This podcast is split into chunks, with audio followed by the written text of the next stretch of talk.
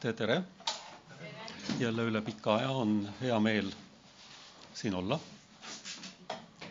ja täna ma räägin ühel sellisel teemal, mida ma olen plaaninud tõenäoliselt vist juba rohkem kui aasta rääkida. aga mitmesugused muud asjad ja muud teemad on tulnud vahele. ja ju siis on täna see kõige õigem aeg. ma räägin täna unenägudest. jõudsid ära oodata. ja, ja uni on üks, Ilmar on, Kaja, Kaja ei ole. jah, et ähm, uni on üks selline asi, mis on inimkonda erutanud nii kaua, kui inimene on olemas olnud. ka Eesti rahval on oma kainestavad vanasõnad une kohta. uni ei anna uuta kuube, magamine maani särki või siis teine, mis on umbes sama sisuga. vara üles, hilja voodi, nõnda rikkus majja toodi. nii et jah, jah, umbes see just nimelt magava kassi suhu hiir ei jookse, nii et ähm, ka viib, ka piibel räägib sellest, et liiga palju ei ole hea magada. ja tööd peab ka ikkagi tegema. aga see on täiesti üllatav, kui palju pühakiri pühendab tähelepanu unele ja just nimelt unenägudele, seda, mida me unes näeme. Ja, ja kui va vaatama hakata algusest peale, siis noh, me ei saa niiviisi öelda, et piiblis on mõned sündmused tähtsamad kui teised, aga ometi väga mitmed väga olulised, märgilised sündmused toimuvad unes. see, millest me räägime, mida me tsiteerime on tegelikult toimunud unes, mitte nii-öelda reaalses elus. see sõna võib-olla ei ole kõige parem, sellepärast et on neid, kes on seisukohal, et uni ongi tegelikult nii-öelda külaskäik reaalsesse maailma ja kui me üles ärkame, siis me elame sellises nii-öelda peegelpildis. noh, nii nagu ka Paulus ütleb, et me me näeme poolikult, me tunnetame poolikult. ja, ja unele on, on pööranud tähelepanu võib-olla maailma kõige tuntumad psühhoanalüütikud Sigmund Freud ja, ja Carl Gustav Jung ja psühholoogid, psühhiaatrid tegelevad ka väga palju meie unenägudega. mis unenägu on? ja miks me und näeme, seda tegelikult teadus ei oska seletada.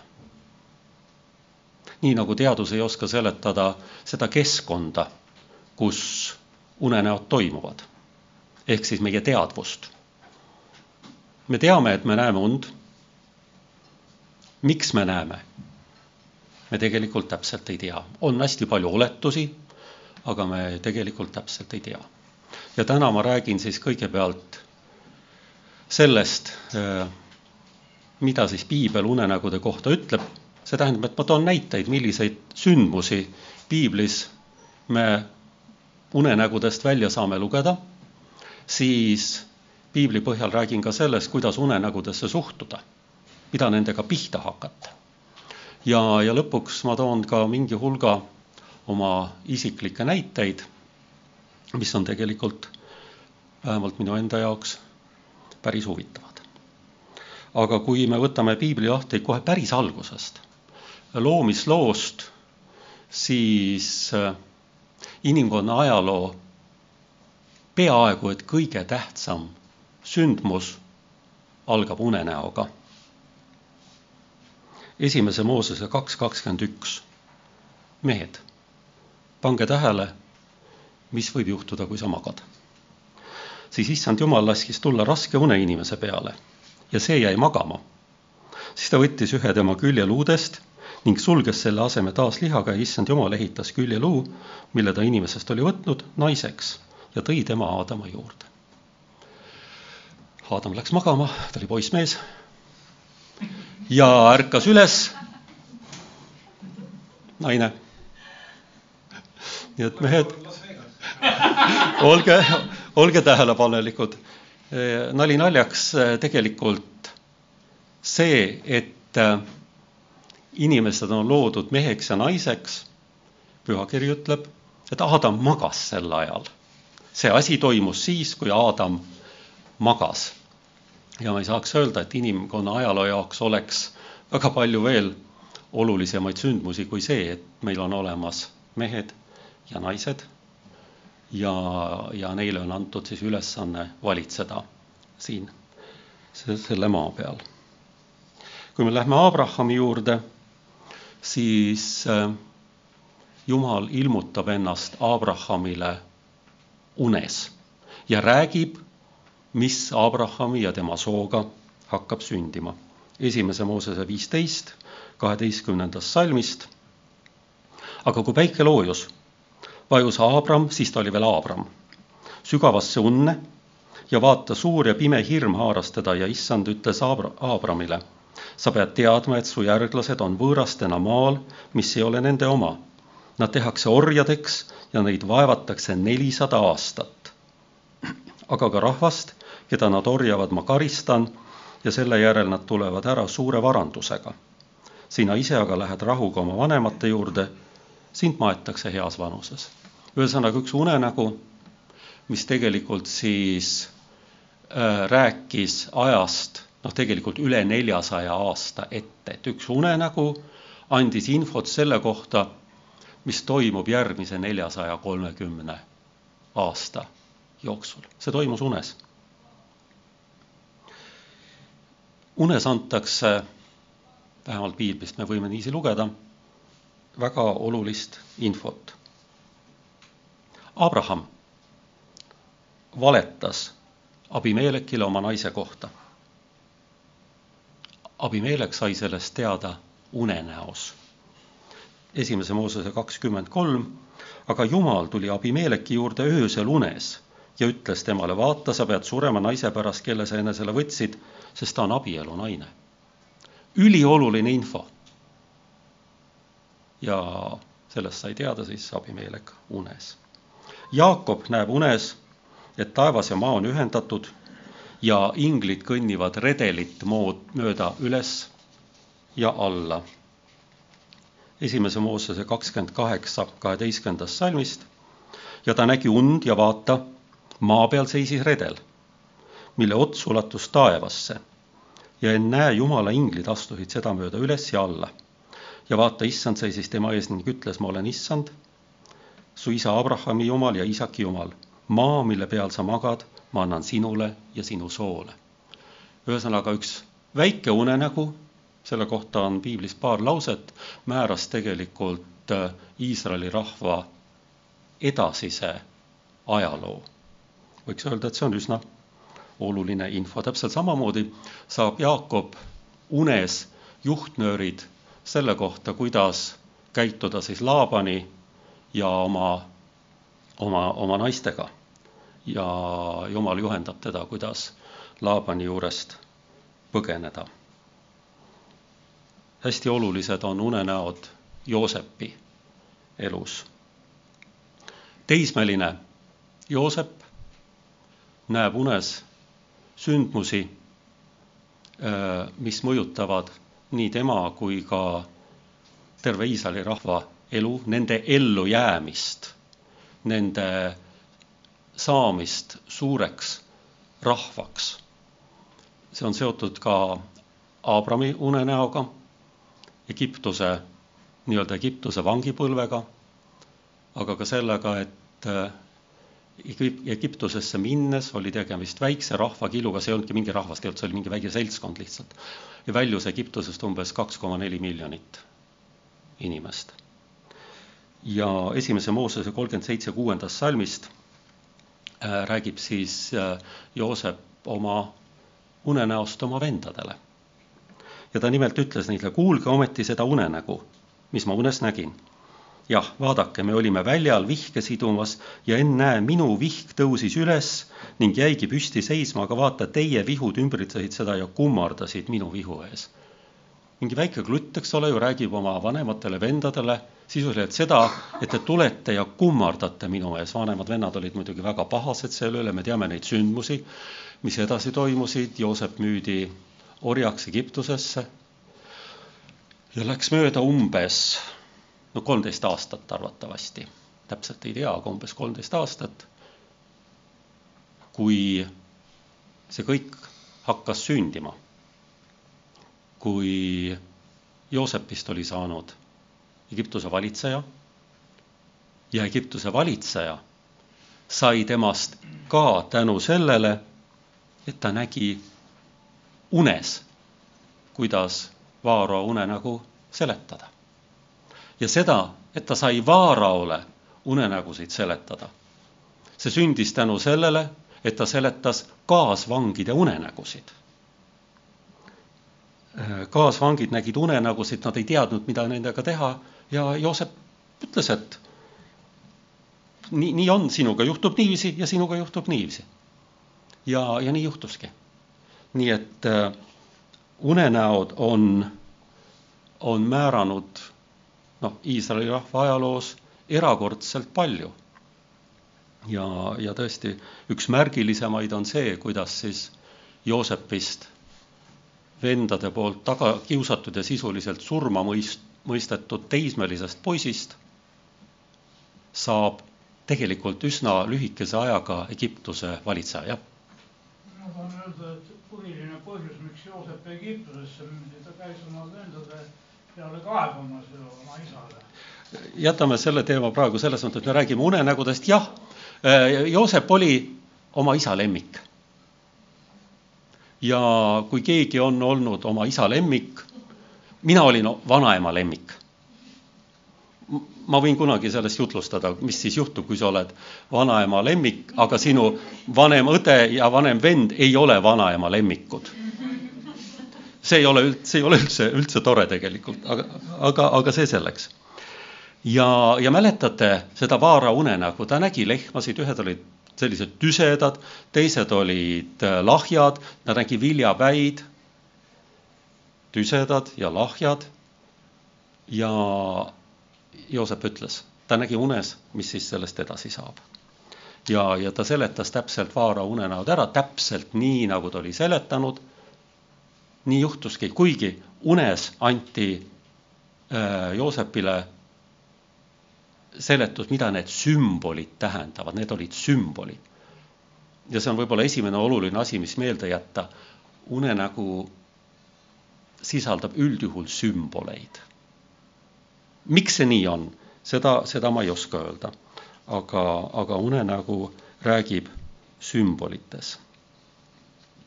nüüd, ähm, kas unenäod on Jumalalt või on need mõnest muust allikast? hästi keeruline teema.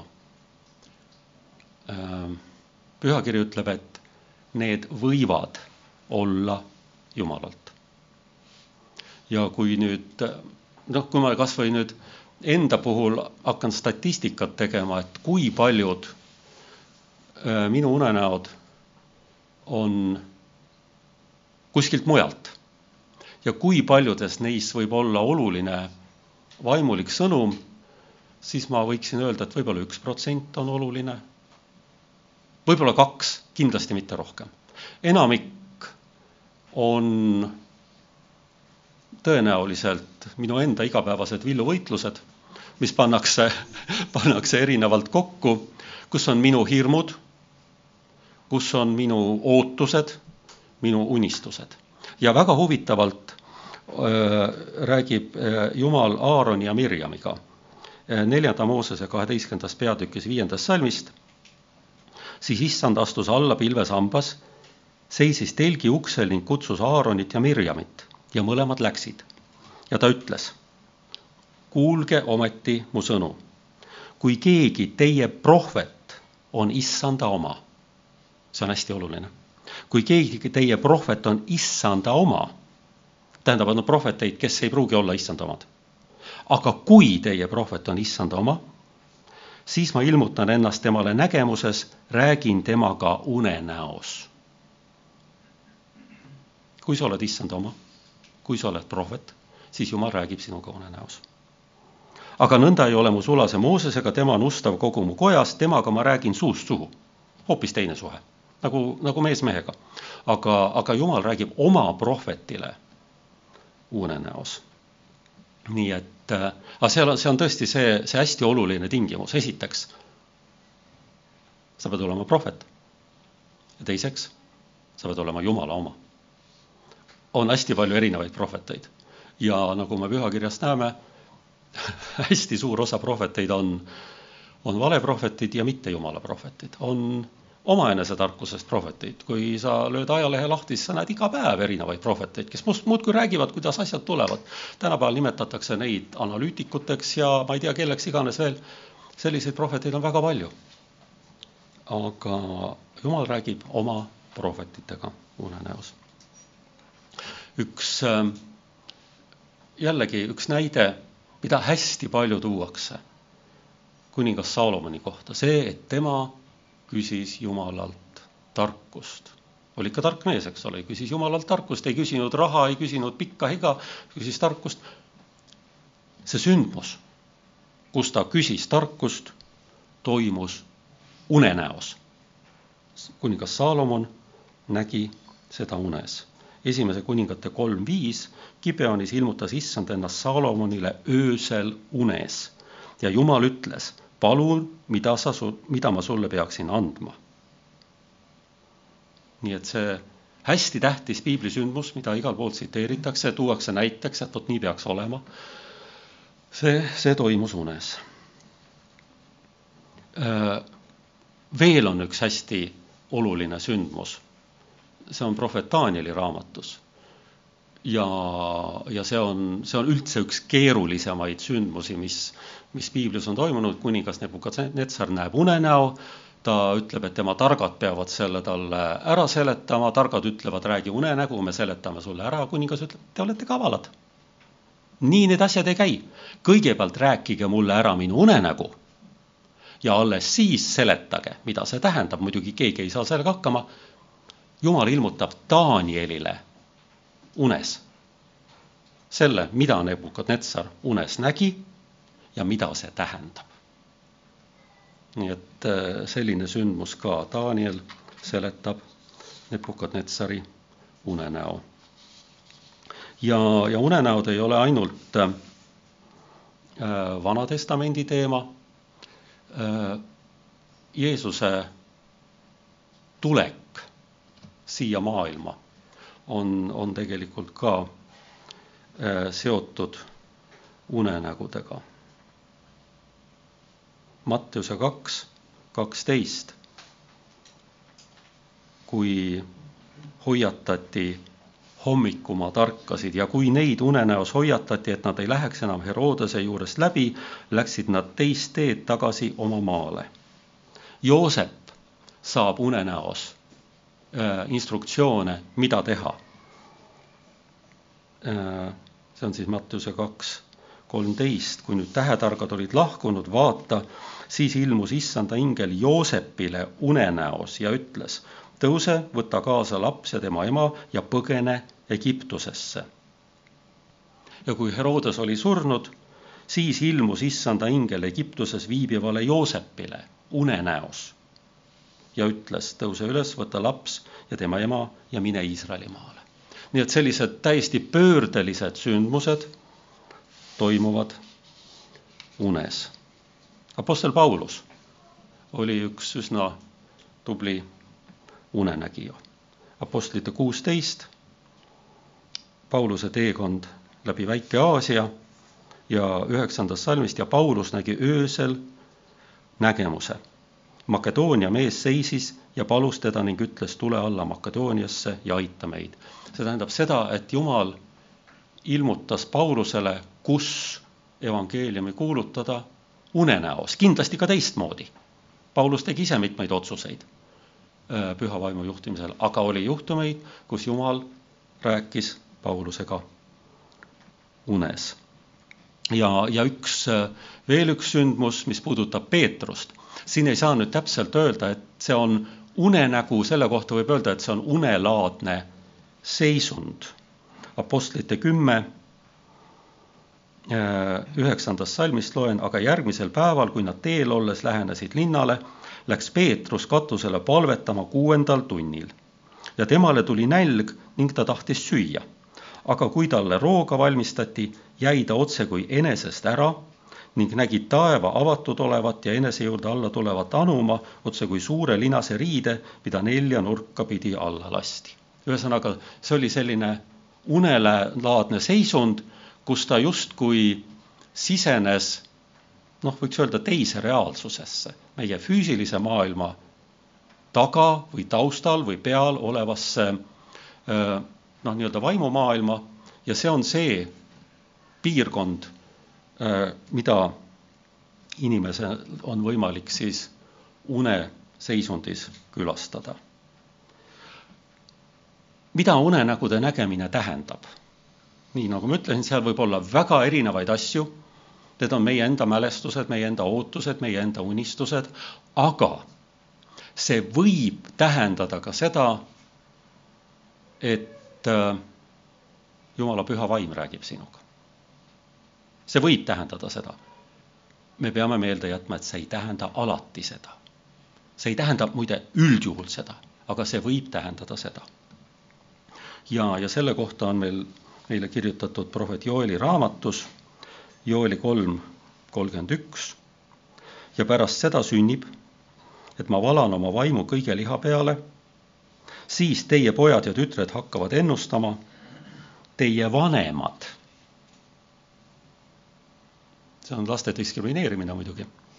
Teie vanemad uinuvad unenägusid nähes. mida tähendab vanemad? kas ealiselt vanemad või juhid. piiblist me näeme, et üldjuhul äh, Jumal räägib rohkem ja konkreetsemalt nendega, kellel on suurem vastutus, on nad siis kuningad, on nad preestrid, on nad prohvetid, et, et nendega Jumal räägib rohkem ja võib-olla see vanemad tähendab ennekõike seda. ja teie noored mehed näevad nägemusi, seda ka, aga vanemad uinuvad unenägusid nähes. ja neil päevil valan ma oma vaimu ka sulaste ja teenijate peale, nii et, nii et äh, prohvetlike unenägude nägemine võib tähenda seda, et, et jumal, et sa oled vanem, ei, vanem ei tähenda alati ealiselt vanemat, vaid ka, vaid ka ütleme, elukogemuse, elukogemuse mõttes vanem, jah. ja mõne inimese kohta öeldakse, et vana mees, aga Varsaaru, et seda võib-olla ei, ei saa pidada vanemaks ja, ja Uues Testamendis on seesama ka Apostlite tegude kaks seitseteist ja teie vanemad uinuvad unenägusid nähes. ja jälle küsimus, kas Jumal räägib unenägude kaudu? Räägib, aga jälle mitte ainult, see on üks ainus viis väga paljude hulgas. Äh, et äh, Hiobi raamatust võib siis lugeda, et unenäos, öises nägemuses, kui sügav uni inimest valdab, voodis suikudes, seal ta avab inimeste kõrvad ja vapustab neid hoiatustega, et inimest pahateost eemal hoida, mehe kõrkust katki raiuda, et säästa tema hinge hauast ja tema elu oda otsa jooksmast. ja, ja noh, enne seda neljandas salmis on öeldud siis, sest Jumal kõneleb ühel ja teisel viisil ta, ta räägib väga erinevalt. ta räägib äh, usud või ei usu, see on see näide, mida ma alati toon, jumal räägib ajaleheartiklite ja pealkirjade kaudu. Need on sama head kui Jeesuse tähendamissõnad. sa võtad homme hommikul ajalehe lahti ja, ja tegelikult Jumal räägib selle, selle kaudu sinuga. ta räägib äh, majandustulemuste kaudu. ta räägib sinuga sinu sissetulekute ja väljaminekute kaudu. aga ta räägib ka unes. aga mitte ainult unes. see tähendab, et ainult unenägude peale lootma jääda ei tohi. kuidas Jumal kõige rohkem räägib? on selline väljend, et Jumal on kirjutanud kaks raamatut. Jumal on kirjutanud piibli ja looduse raamatu. ja Jumal räägib ennekõike pühakirja kaudu ja oma loodu kaudu. Rooma kirjas Paulus ka sellest räägib. et nende kaudu Jumal räägib, see on kõige tähtsam, aga ta räägib väga paljudel teistel viisidel ka. Ja üks äh, pühakirja salm, mille üle mina olen nagu kõige rohkem pead murdnud, mida see peaks tähendama, on psalm sada kakskümmend seitse ja teine salm. unimütsidele peaks see muidugi sobima väga hästi. ilma aegude tõusete vara üles istute hilja ülal ning sööte leiba raske vaevaga. nii see on, issand annab oma armsatele unes. et mida see tähendab? kas sul ei ole vajagi tööle minna? Ütleme, sa oled kristlane, sul on kristlik, kristlasest ülemus, ütled, et tead, täna ma magan, ma täna tööle ei tule, sest jumala sõna ütleb, et ta annab mulle unes. aga siis ülemus ütleb, okei okay,, maga edasi. tuleb keegi teine, kes teeb töö ära ja, ja sulle jäävad tühjad pihud.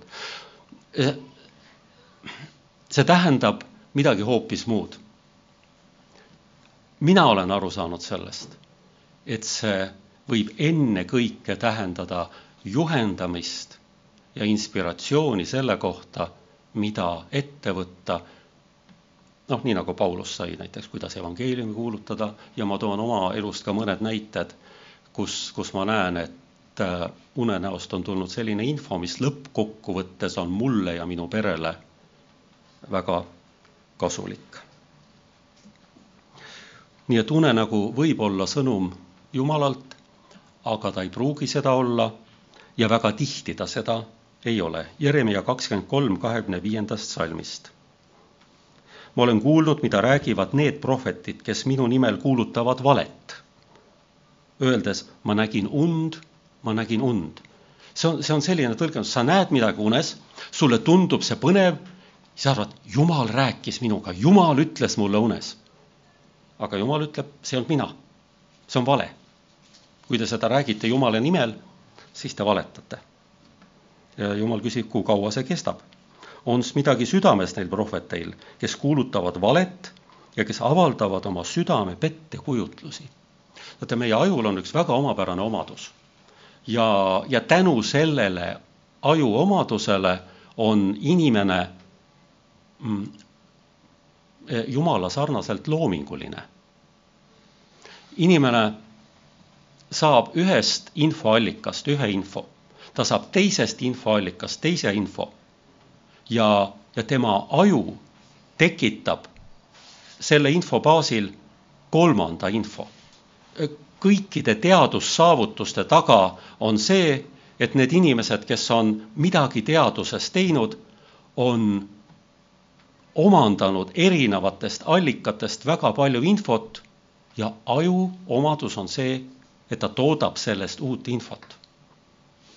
ja unenägudega on täpselt samamoodi, sul on ühed kogemused, sul on teised kogemused.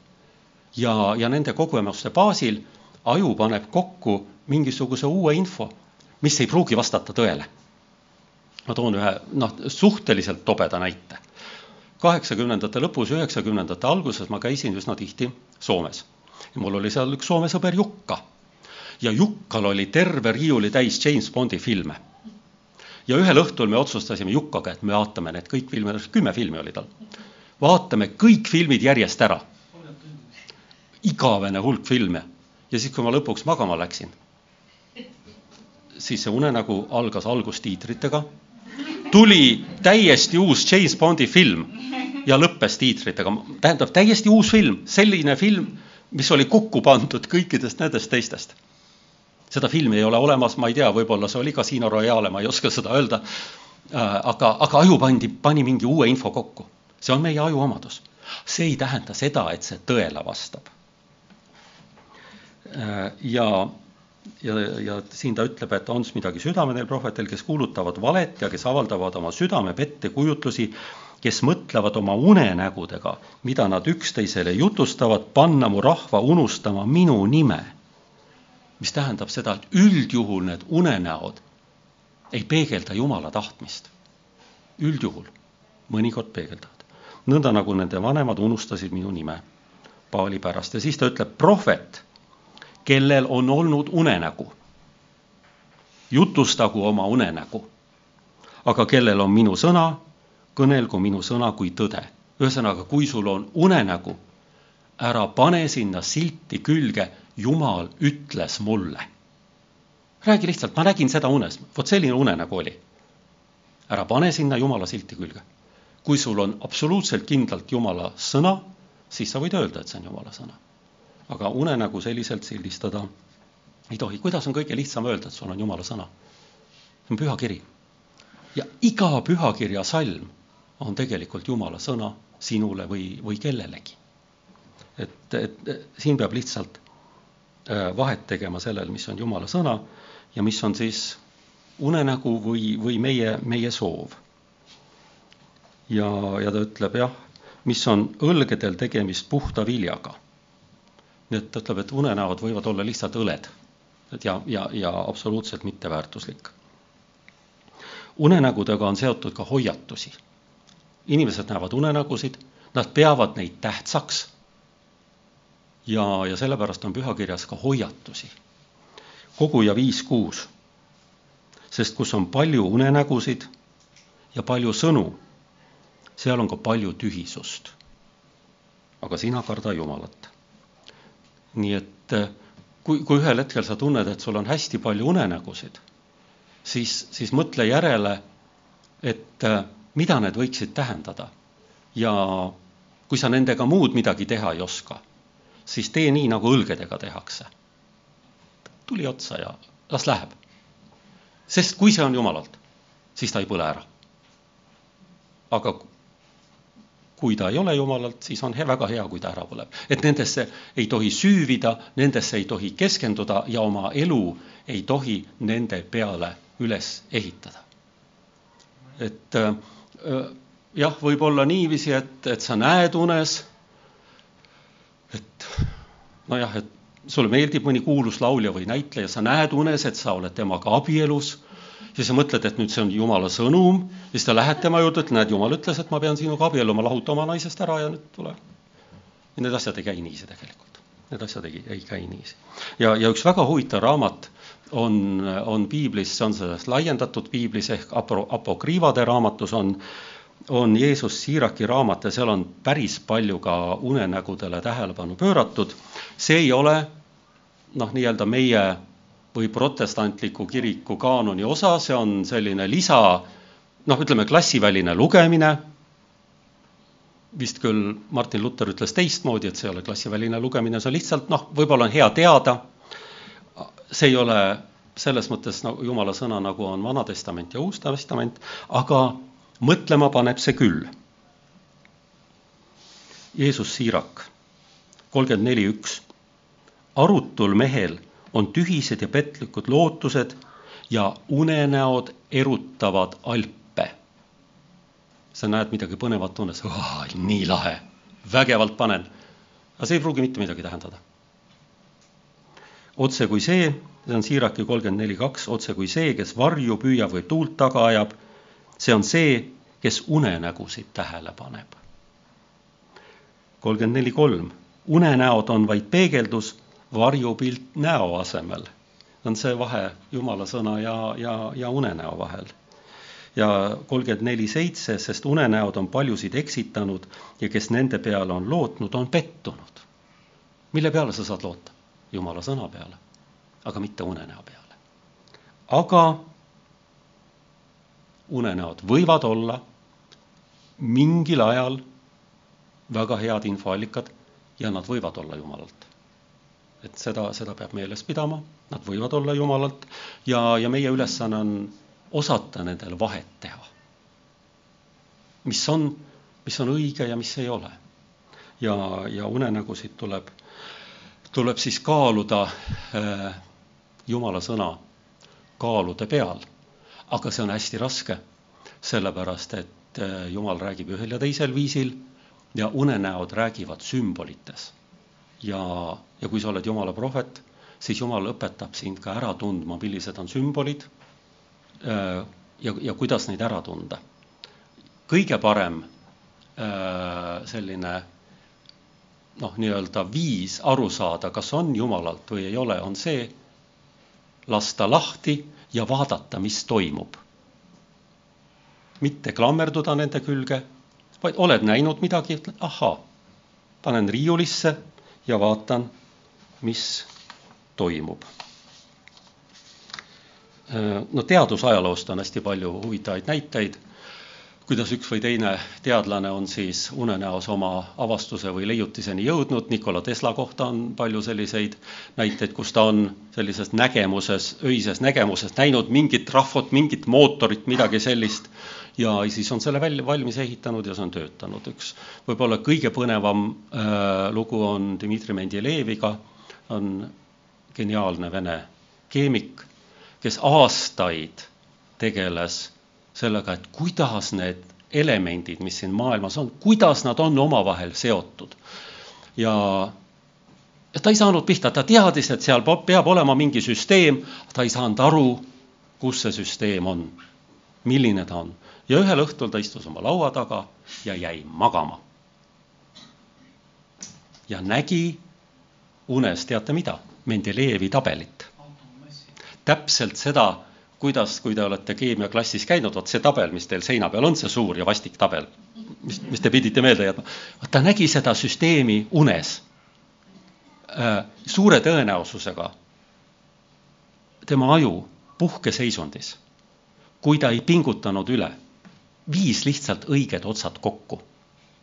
võib-olla oli see jumalik puudutus, võib-olla ei olnud, aga ta oli selle nimel väga palju tööd teinud ja, ja unenäos see siis ilmus talle.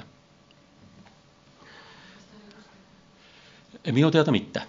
vähemalt sel, sel temast ei räägita, kuigi sel ajal ena-, enamik inimesi olid noh, jah, nad olid kiriku liikmed, aga, aga temast ei räägita noh, nii usklikust nagu Michael Faraday'st või, või Newtonist või Galileo Galileist või, või mõnest tänapäeva teadlasest näiteks. aga mind, mind oli eh, tore hobi tal oli, ta oli kohvri, kohvri koguja. Mendelejev kogus kohvreid või jah, võib-olla tal oli kohvris ka palju tarkust, ei, tea. mul oli ka kunagi vineerist kohver, selline esimese maailmasõja aegne. see oli päris, päris põnev. et äh, millised on meie igapäevased unenäod? ikka need äh, peegeldavad tihti meie ootusi, hästi tihti meie lapsepõlve traumasid, meie lapsepõlve hirmusid ja, ja minul üks äh, sagedasemaid unenägusid ja ma, ma julgen üsna kindlalt öelda, et see ei ole jumalalt, on unenägu, kus ma käin koolis ringi, matemaatikaeksam on tulemas ja mul on meeles, ma pole kolm aastat matemaatikatunnis käinud.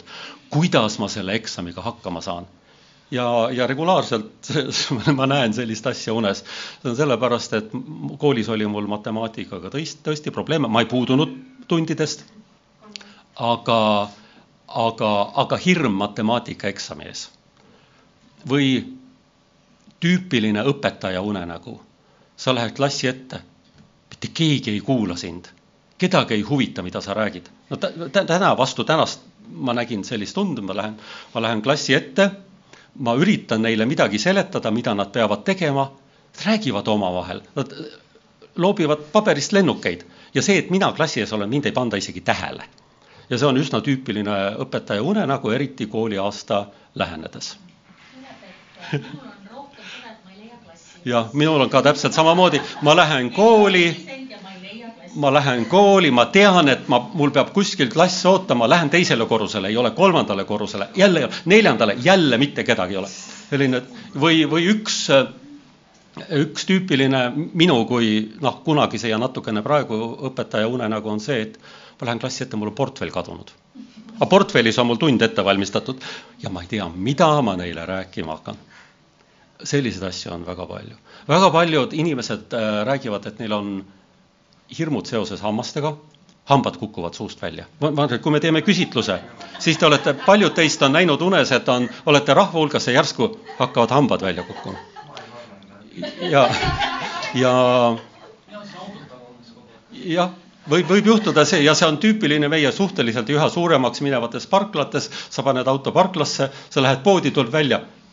ma ei mäleta ja siis sa, siis sa unes näed seda, no mina olen näinud unes seda, et mul läheb auto kumm tühjaks või no mingid, mingid, mingid sellised igapäevased asjad, neid on väga palju. no lihtsalt üks selline nii-öelda naljakas näide võib-olla unenägude seletajate kohta, ärge lugege neid unenägude seletajaid, sellepärast et äh, unenäod on äärmiselt individuaalsed. ainult sinu elukogemus, võib-olla mingid ühiskonna ja kultuuri mustrid, aga see on ainult sinu kogemus, aga see nali on selline, et kontoriametnik istub oma laua taga, teeb usinasti tööd, nagu ikka kõik kontoriametnikud ja jääb magama. ja näeb unes kartuleid. no magab, magab, tõuseb üles, pühib nina puhtaks, ütleb mis ma nägin unes, ma nägin kartuleid. võtab unenägude seletaja ja vaatab. kartulite nägemine unes. see tähendab, et sa jääd töö juures magama.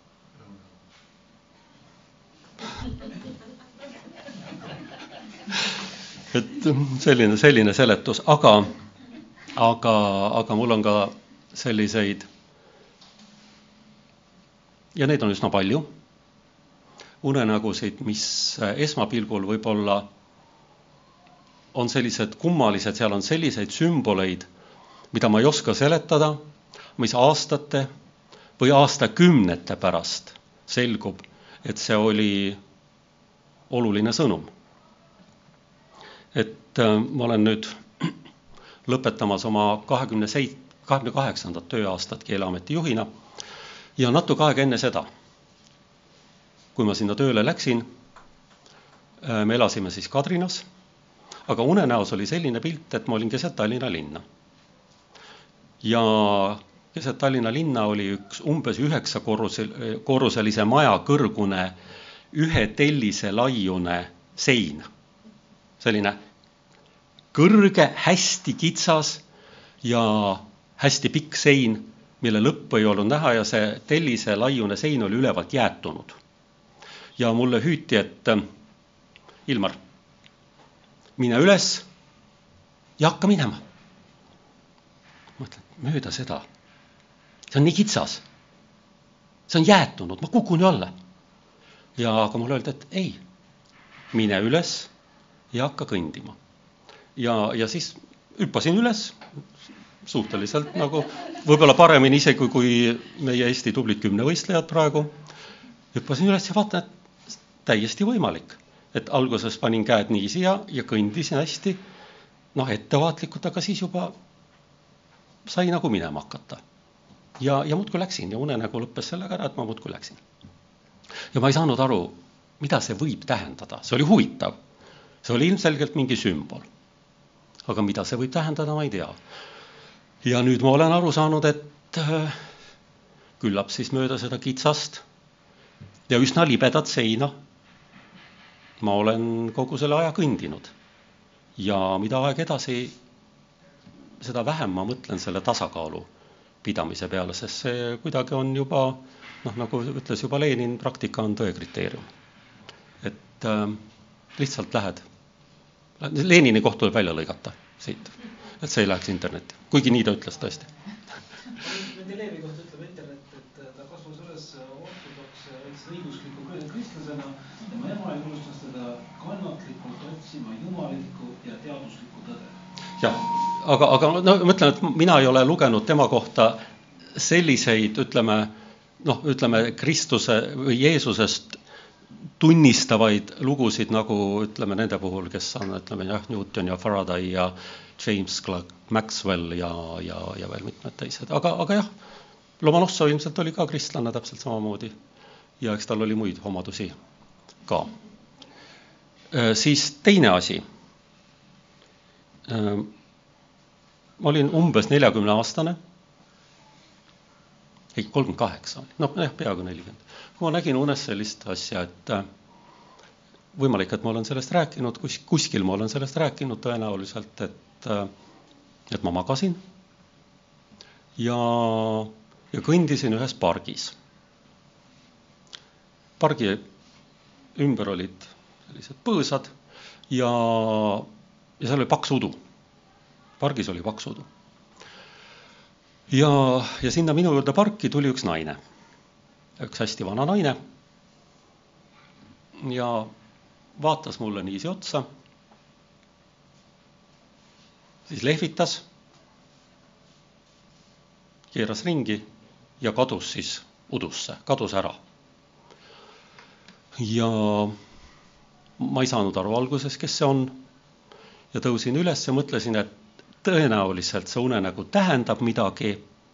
aga ma ei tea, mida see tähendab, ma ei saanud aru, mida see tähendab ja täpselt nii ma jätsingi selle nagu enda arvates äh, riiulisse, panin kõrvale.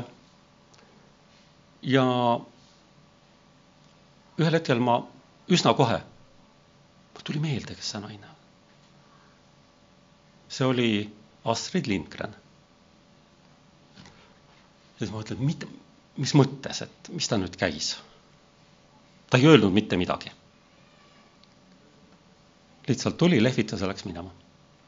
ja kui siis sellest unenäost oli kolm päeva mööda läinud, siis ma läksin hommikul tööle, võtsin lahti Päevalehe ja Päevalehes oli surmakuulutus, et Lindgren on surnud.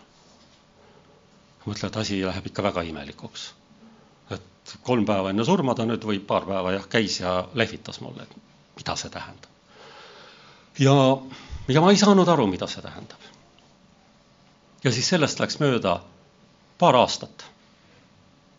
ühel täiesti juhuslikul hetkel, kui ma olin, no ma ütlen, et täiesti suvalises kohas Tallinna ja Tartu vahel, tuli mulle meelde see unenägu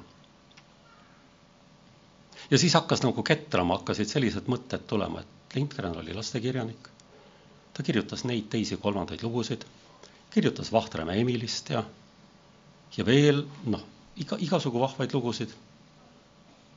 ja siis tuli üks mõte, et aga kirjuta ise ka midagi. ma ei olnud selleks ajaks veel ühtegi laste juttu kirjutanud, lasteraamatut, mitte midagi no ma siis mõtlen, et mis jama, et ma ei hakanud, kuidas ma olen doktorikraadiga inimene, ma ei hakka ju lastele lugusid kirjutama et las need kirjutavad, kellel midagi muud teha ei ole. Ja aga, aga see mõte ei andnud rahu ja ma ikkagi võtsin seal arvuti lahti ja, ja kirjutasin ühe jutu, kirjutasin teise jutu. kodus oli sul inspiratsiooni palju? inspiratsiooni, inspiratsiooni oli. ja, ja, ja siis neid jutte hakkas tulema, ma hakkasin neid saatma hea lapse ajakirjale. ja, ja ühel hetkel siis ajakirja toimetaja Leelo Tungal ütles, et aga nüüd on neid lugusid nii palju, et pange raamat kokku. mina ütlen, et mina ei tea, kuidas raamatuid tehakse. No tema ütles, et teie olete oma töö juba ära teinud, et jutud on olemas. et ma juhatan teid ühe kirjastuse juurde, kes siis korraldab, et sellest tuleb raamat. ja, ja kirjastus panigi nendest juttudest esimese raamatu kokku. see ilmus aastal kaks tuhat seitse. tere, Volli ja, ja siis ega mul ei olnud mõtet, mõttes üldse hakata veel midagi kirjutama. aga kuidagi need mõtted hakkasid tulema ja siis lõpuks ma sain aru, et ilmselt sellel unenäol oli mingi tähendus. aga sellest ma sain tagantjärele aru. see ei olnud niiviisi, et nii kui ma seda unenägu nägin, et jess, et nüüd hakkame kirjutama, ei, see, see tuli kuidagi hiljem tagantjärele. ja, ja nüüdseks ma olen aru saanud et see oli, see, see oli üks nendest vähestest äh, sõnumitest, mille Jumal mulle unes on andnud. noh, on hästi palju isiklikke ja väga isiklikke näiteid, et äh,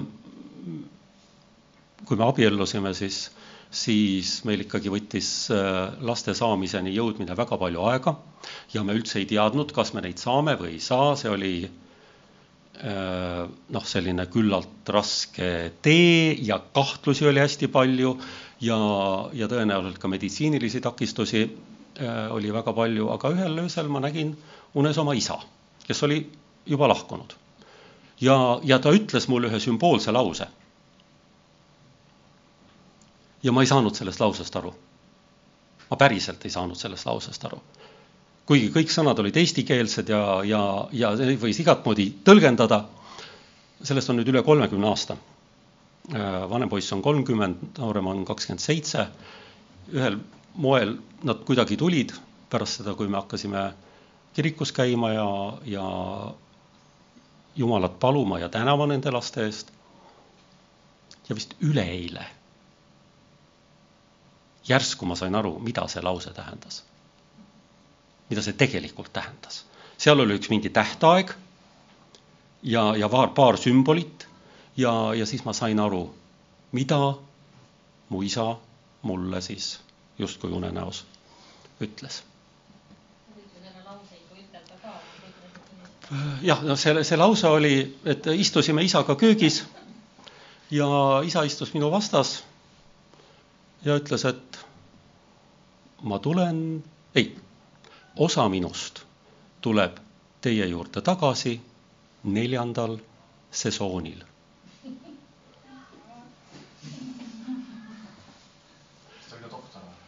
ei, ta oli elektrotehnik. Ja, ja, ja üleeile ma sain aru sellest. et äh, isa suri kaheksakümmend üheksa vanem poiss sündis üheksakümmend kolm, neli aastat. ja meie vanemad elavad edasi meie lastes. et osa temast elab edasi meie lastes. lihtne, aga, aga ma ei saanud sellest aru, ma küll ma tõlgendasin, aga see tõlgendus või lahendus oli äärmiselt lihtne. Enamik nendest unenägusid, mida mina olen näinud, käivad minu enda kohta või minu lähedaste kohta. aga häbi tunnistada, mõnikord ma olen näinud asju, mis käivad Eesti kohta, valitsuse kohta, mõne ministri kohta, ma olen need üldjuhul jätnud ainult enda teada et noh, mulle on tundunud, et see ei ole minu asi, mida teised toimetavad, aga, aga mõnikord selliseid asju on.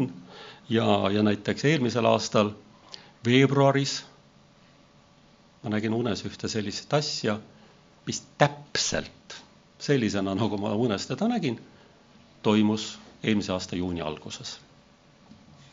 ja kõige huvitavam. Jah, et, et, et see tegelikult oli siis too, ma ei kirjelda seda täpselt, see kuskil võib, aga see oli toonase, toonase valitsuse tõusu ja languse kohta ja valitsusega seotud ministrite saatuse kohta. aga kõige huvitavam on see kui sa loed Jumala sõna, siis Jumala sõnal ei ole mitte kunagi ainult üks, üks ja ainultki ja kindel tähendus.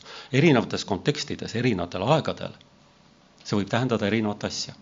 ja, ja palju, väga paljude unenägudega on niiviisi, et, et, et see võib-olla täitub ühel hetkel. aga mingi aja möödudes sa näed, et see muster äh, jätkab toimimist ka teistes olukordades. ja ma näen, et see unenägu, mida ma nägin eelmise aasta veebruaris. see tegelikult äh, realiseerub ka praegusel hetkel, natukene teisel kujul, aga sümbolid on väga sarnased. nii et äh, äh, unenägusid ei tohi üle tähtsustada, ei tohi nende külge klammerduda, aga nendest on mõnikord kasu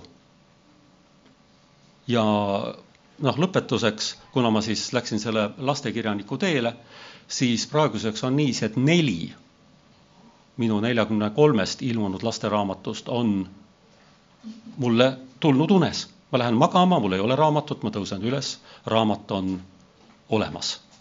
ta on lihtsalt noh, prakt-, praktiliselt nagu na,, na, nagu, nagu tekstina peas olemas, nii et ei ole muud teha, kui kirjuta üles. mõne puhul on niiviisi et äh, ma saan äh, teema, mingi rida sümboleid ja, ja siis selle põhjal ma saan aru, et see on see, millest ma pean kirjutama, aga ei ole nagu täistekst. aga mõnikord on ka, ka täiesti noh, nagu, nagu täistekst olemas. kas see on jumalalt, ma ei oska seda öelda. võib-olla see on minu senine kirjutamiskogemus see, kui palju ma olen mis teemal raamatuid lugenud, nad kipuvad olema sinna kanti, mis teemal ma raamatuid loen. mul on lugemislaual ikkagi piibli kõrval alati mingid sellised füüsika ja teaduse raamatud ja, ja väga paljud sellised unes ilmunud äh, tekstid räägivadki füüsikasaladuste kasutamisest laste seiklusjuttudes. et, et küllap see aju on osanud neid asju niiviisi kokku panna. nii et tuleb olla tähelepanelik vaadake, mis teile näidatakse, pange need põlema, pange riiulisse, ärge keskenduge, aga sealt võib tulla midagi, mis on teie jaoks oluline ja neid tasub tähele panna. amin